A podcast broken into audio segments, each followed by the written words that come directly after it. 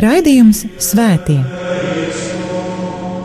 Katrā laikmetā ir dzīvojuši daudz svētie, un katrai paudzei tie ir un paliek kā dzīvās ticības liecinieki.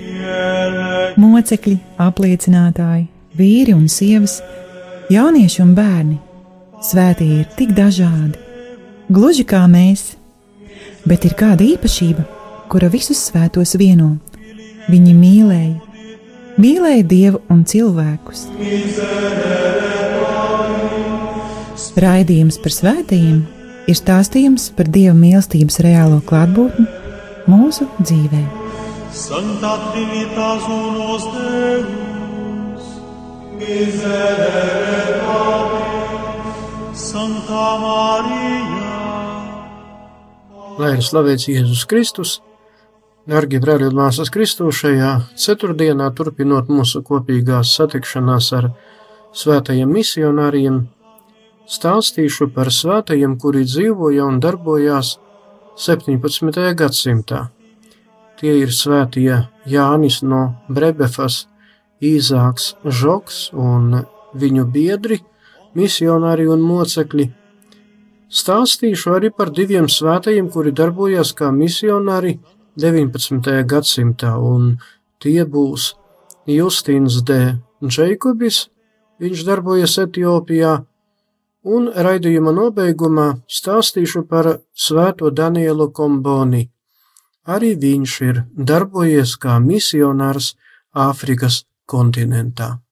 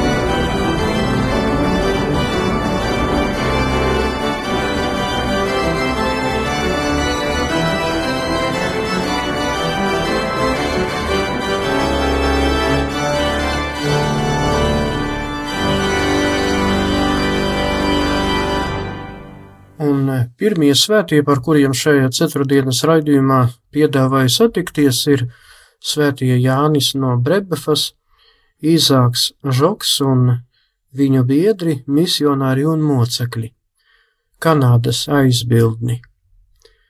Kanādas kristianizācijā lielu ieguldījumu ielika dažādu baznīcas ordeņu un kongregāciju garīdzniecība, Jēzuītu ordenis, Svētā Sulpicija priesturu kongregācija, jeb sulpicieši, un Svētās Ursulas māsas, jeb ursulietes. Par vienu no vislielākajiem viņu darba šķēršļiem var uzskatīt milzīgus attālumus starp misiju punktiem, un arī to, ka vietējo indiāņu ciltis pārsvarā misionārus uzskatīja par baltajiem kolonizatoriem, kuru mērķis bija atņemt vietējiem viņu zemi. Kolonizatoru nežēlība un vardarbība, kuru tie izvērsa pret indiāniem, vēl vairāk pavairoja naidu. Tomēr 1674. gadā Kvebekā izdevās nodibināt pirmo diecēzi Kanādas zemēs. Tika nodibināts garīgais seminārs, kas kļuva vēlāk par sākumu Franču universitātei, kura Kanādā pastāv līdz pat mūsdienām. Svētais Jānis no Brebefas ir dzimis aristokrāta ģimenē dzimis 1593. gada 25. martā Normandijā. 1617. gadā viņš iestājās Jēzuītu ordenī. Un salicis pirmos ordeņa svētsolījumus Jānis sākotnēji pildīja skolotāja un jaunatnes audzinātāja pienākumus. Vēlāk uzsāka un pabeidza filozofijas un teoloģijas studijas iesvētīts par priesteri, Jānis pašrocīgi uzrakstīja lūgumu ordeņa vadībai sūtīt viņu uz Kanādu misijās.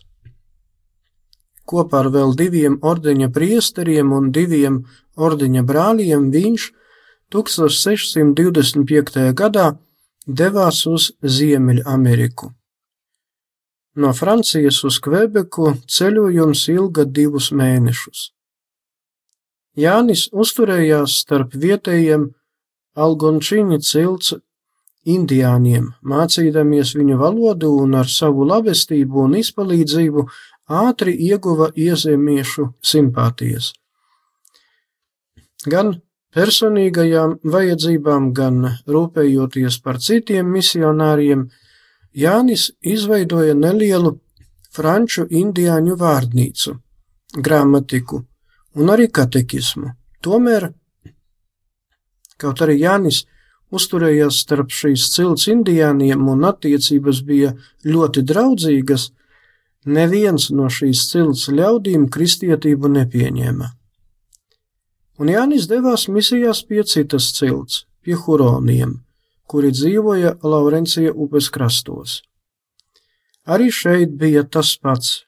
Attiecības bija draudzīgas, Tomēr nevienam no indiāņiem tā arī neizdevās nokristīt. Triju gadu garumā Jānim izdevās nokristīt tikai vienu nāvīgi slimu bērnu. Visus šos gadus Jānis ceļoja no Kanād, pa Kanādas tūkstnešainajām teritorijām. Augstums, primitīvie dzīves apstākļi, apdraudējumi, Tas viss un daudz kas cits veidoja lielus izaicinājumus, ar kuriem cīnījās šīs svētais misionārs. Kad eh, Kvebeku iekāroja Angļi, Jānis bija spiests atgriezties uz Franciju, tomēr jau 1632. gadā, kad Francija atkal atguva varu pār Kvebeku, Brefebas Jānis atgriezās uz Kanādu.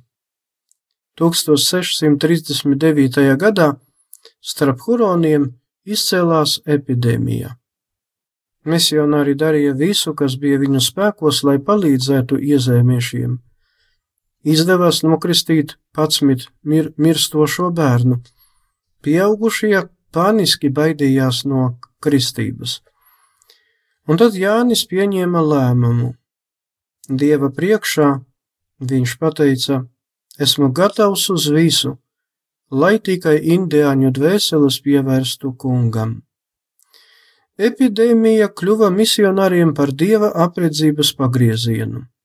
Indiāni, redzēdami, ka epidēmija neskar atbraukušos eiropiešus, sāka uztvert misionārus par burviem un šamaniem, kuri ir nākuši, lai viņus glābtu no slimībām. Un tas beidzot atvera iezemiešu sirdis. 1649. gadā jau bija nokristījušies ap 7000 indiāņu. Pēc trīs gadu prombūtnes Jānis bija salauzis pleca kaulu un ilgstoši ārstējās Kvebekā. 1644. gadā viņš atgriezās uz savu misiju punktu, un visu, ko viņš bija paveicis, iznīcināja Irokēzu cilts indiāni. 1949. gadā šī cilts uzbruka huroniem un nogalināja lielāko šīs cilts daļu. Jānis palika kopā ar huroniem, mudinot tos pacelt savas acis uz debesīm, jo Dievs redz viņu ciešanas un mokas. Irokēzi Brebefas Jāni mocīja ilgi. Tika izrauti pirkstu nagi, viņu sita, tad piesēja pie staba un dedzināja. Izdedzināja arī acis. Beigās, lai izsmietu kristības sakramenta ūdeni, Jāni iegremdēja ūdeņos, lai viņš noslīgtu. Tomēr, nevarēdami panākt no Jāņa atteikšanos no Kristus un viņa baznīcas, Bendes izrāva viņa sirdi un, un to apēda, lai viņiem būtu tāda pati varonība un drosme kā šim moceklim. Kopā ar Prebefasi Jāni toreiz tika nogalināts vēl viens misionārs - Gabriels Lilliment.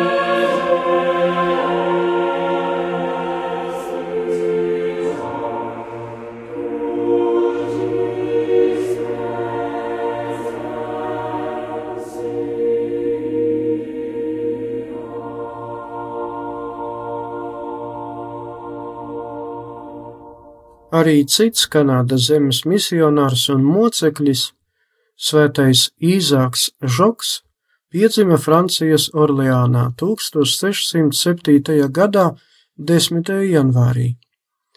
17 gadu vecumā viņš iestājās Jēzuītu ordenī. Pēc studiju pabeigšanas Īzāks tika nozīmēts par Rovenes kolēģijas regentu. Tieši tur viņš satikās ar diviem misionāriem, ar svētajiem mocekļiem Brebefas Jāni un Gabrielu Lilimentu. 1636. gadā Īzāks pēc viņa uzstājīgiem un ilgstošajiem lūgumiem tika nosūtīts misijās uz Kanādu. Kad 1642. gada augustā viņu sagūstīja Irokezi. 15 mēnešus īsāks tika mocīts un spīdzināts. Viņu cepināja uz uguns, izrāva nagus, sita ar dzelzstieniem, nocirta labās rokas īkšķi. Īsāku nenogalināja uzreiz, jo cerēja saņemt par viņu izpirkšanas naudu, un, kad kāds holandiešu pastors iemaksāja 300 sudraba funtu, īzāku atbrīvoja. Ārkārtīgi slikta stāvoklī īzāku atveda uz Ņujorku, no kurienes viņš varēja atgriezties uz Franciju. Toreiz īzāku visi gan apbrīnoja, gan godināja. Viņš tomēr nevēlējās atteikties no misiju darba turpināšanas un atgriezās pie indiāniem. 1646. gadā, kad starp tiem izcēlās epidēmija, 18. oktobrī viņu nogalināja ar cirvi. Pēc īsāka palika vairākas vēstules un daži raksti, no kuriem ir zināms, ka īsākam bija ļoti intensīva garīgā dzīve un Dievs viņu apdāvināja pat ar vīziju dāvanām. Kopā ar svētajiem Brebefas Jāni un Īzāgu Žogu tika zvērīgi nogalināti arī viņu līdzgaitnieki - Antons Daniels, Kārlis Garnie, Natalisa Habanella un vēl divi citi ordeņa brāļi. Mocekļu nāve viņi gāja bojā no 1642. līdz 1649. gadiem. Pāvests Pīs 11. iecēla šos mocekļus svēto kārtā 1930. gadā. Kanādas Ontariju provincē atrodas viņu sanktuārijas.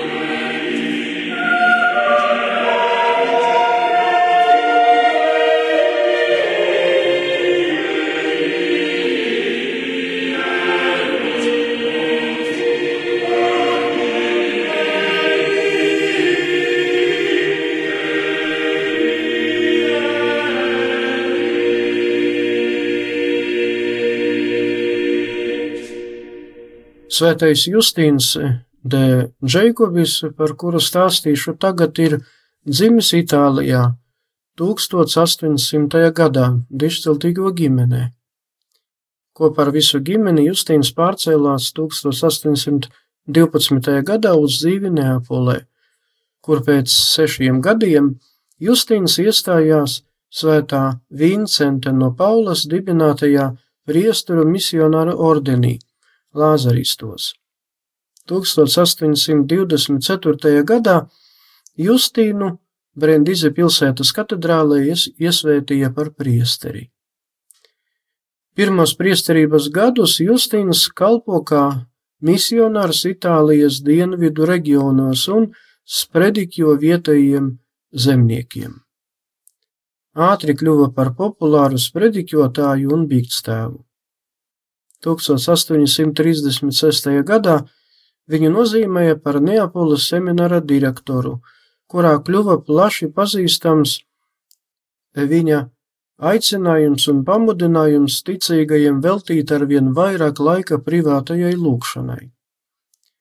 1838. gadā Justīnu ievēl par Neapoles lāzaristu provinciālu, un viņš atkal ķērās pie tā saukto tautas misiju darba. Viņš sprediķoja, biktēja, vadīja dažādus dievkalpojumus. 1839. gadā viņš kļuva par mūsdienu Etiopijas un Eritrejas teritoriju apustulisko prefektu. Vietējie iedzīvotāji dalījās uz muhamedāņiem, koptu kristiešiem un dažādu pagānisku kultu piekritējiem. Justīns iemācījās trīs lokālas valodas un dzīvoja kā etiopietis, valkādams etiopiešu nacionālo apģērbu. Sākotnēji viņš slēpa to, ka ir katoļu priesteris, jo tas apdraudēja viņa dzīvību. Viņu tūlīt nogalinātu. Viņš nevarēja svinēt svēto misiju un publiski nevarēja arī lūgties breviāra lūkšanas, bet kristiešu svētkus svinēja pielāgoties koptu kalendāram. Tomēr Justīns eh, diskutēja ar vietējiem. Slēpus mācīja bērniem katehismu un kopā ar vēl diviem sava ordeņa brāļiem pakāpeniski ieguva iezemiešu uzticību un draudzību. Viņš pat pievērsa divu koptu priesteru un konvertējās kat, un konvertēja katoļticībā. Savā misionārā darbībā Justīns necentās eh, mainīt koptu ieradumus, un ar šādu pieeju viņš atšķīrās no pārējiem misionāriem, kuri darbojās Tani reģionā. Etiopijas Guālas pilsētā nodibināja skolu un semināru. 1849. gadā priesteri Justīnu slepeni konsekrēja par bīskapu, un viņš saņēma atļauju piešķirt svētos sakramentus koptu ritā. Justīna misijas darbi nesa diezgan labus rezultātus, un tas izsauca protestus no Aleksandrijas koptu patriarchāta puses. Tika panākta katoļticības praktizēšanas aizliekšana, un likvidēja gan skolu, gan semināru, kuru Justīns bija nodibinājis. Arī Justīna ordeņa vadība nevēlējās akceptēt viņa darbības metodes, it sevišķi attiecībā uz koptu priesteriem. Formāli šis jautājums tika atrisināts tikai Vatikāna otra koncila darbošanas laikā, kad svētais pāvis Pāvils VI izdodot dokumentu Evangelija Nunciandi atļāva Justīna ievestās metodes.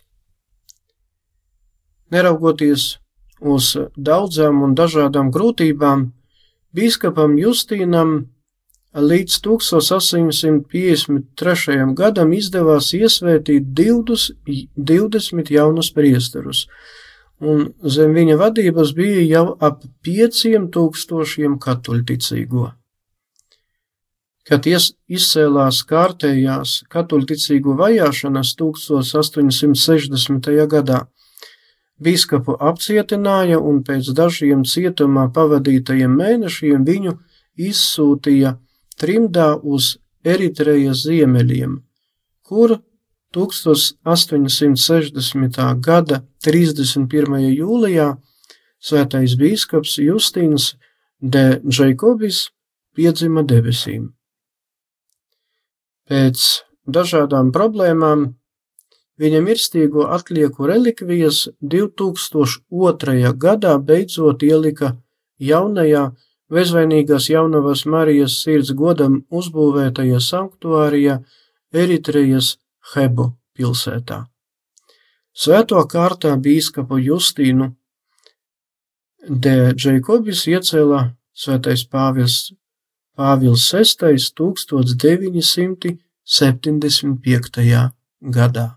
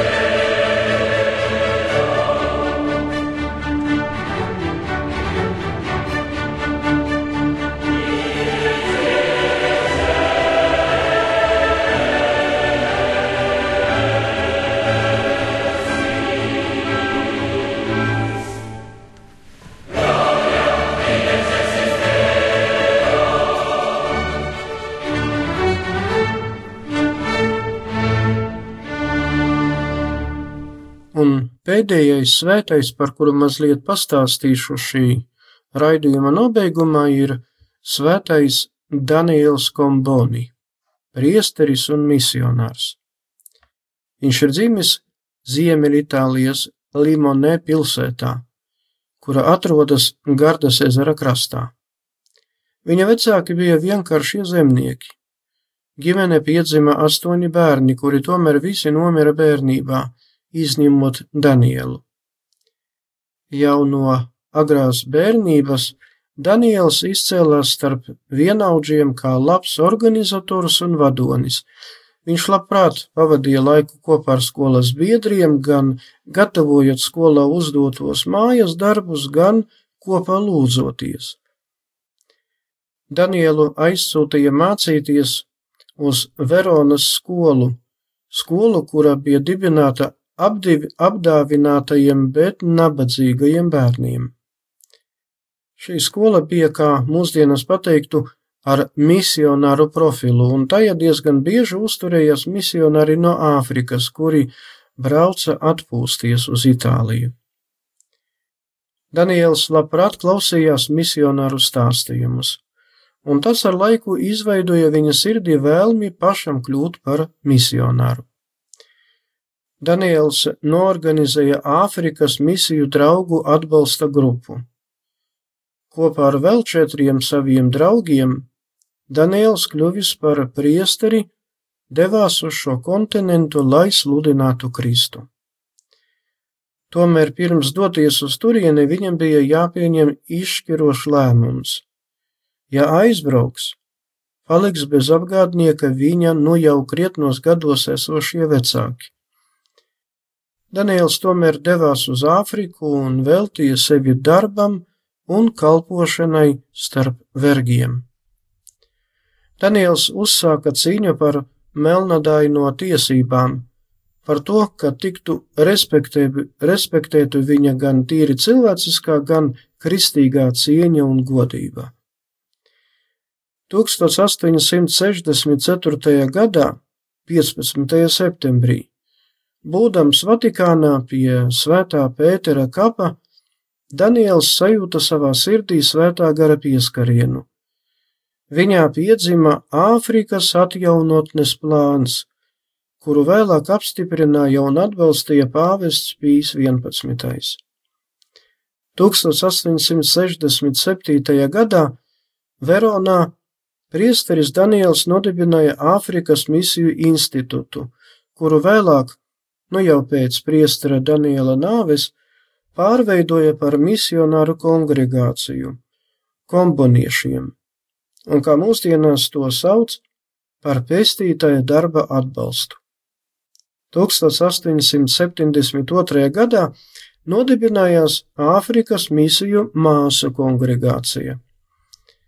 1877. gadā priesteris Daniels kļuva par Vidusāfrikas reģiona apustulisko vikāru un tika konsekrēts par šī reģiona pirmo bīskapu. Bīskaps Daniels Komboni 50 gadu vecumā piedzima debesīm 1881. gadā 10. oktobrī. Viņa beatifikācijas process iesākās jau 1928. gadā, tomēr svētīgo kārtā viņu iecēla svētais pāvests Jānis Pāvils II tikai 1996. gadā. Svētais Jānis Pāvils II iecēla viņu arī svēto kārtā, un tas notika 2003. gadā. Un raidījuma nobeigumā lūksimies. Visvarenais mūžīgais Dievs, Tu sūtot svētos misionārus misiju darbā, daudziem devi ticību uz Jēzu Kristu. Uzklausi mūsu svēto misionāru aizbildniecības dēļ, lai kristīgā ticība kļūtu stiprāka visā pasaulē un mūsu zemē. Mēs tevi lūdzam, mūsu Kunga Jēzus Kristus, tava dēla vārdā, kas ar tevi svētā gara vienībā dzīvo un valda Dievs visos mūžu mūžos. Amen! Lai ir slavēts Jēzus Kristus! Raidījums Svētie. Katrā laikmetā ir dzīvojuši daudz svētie, un katrai paudzei tie ir un paliek kā dzīvās ticības liecinieki. Mocekļi, apliecinātāji, vīri un sievas, jaunieši un bērni. Svētie ir tik dažādi, gluži kā mēs, bet ir kāda īpašība, kura visus svētos vieno. Viņi mīlēja, mīlēja Dievu un cilvēkus. Raidījums par svētījumiem ir stāstījums par Dieva mīlestības reālo klātbūtni mūsu dzīvē. Santa Trinitas unos Deus, miserere nobis, Santa Maria, ora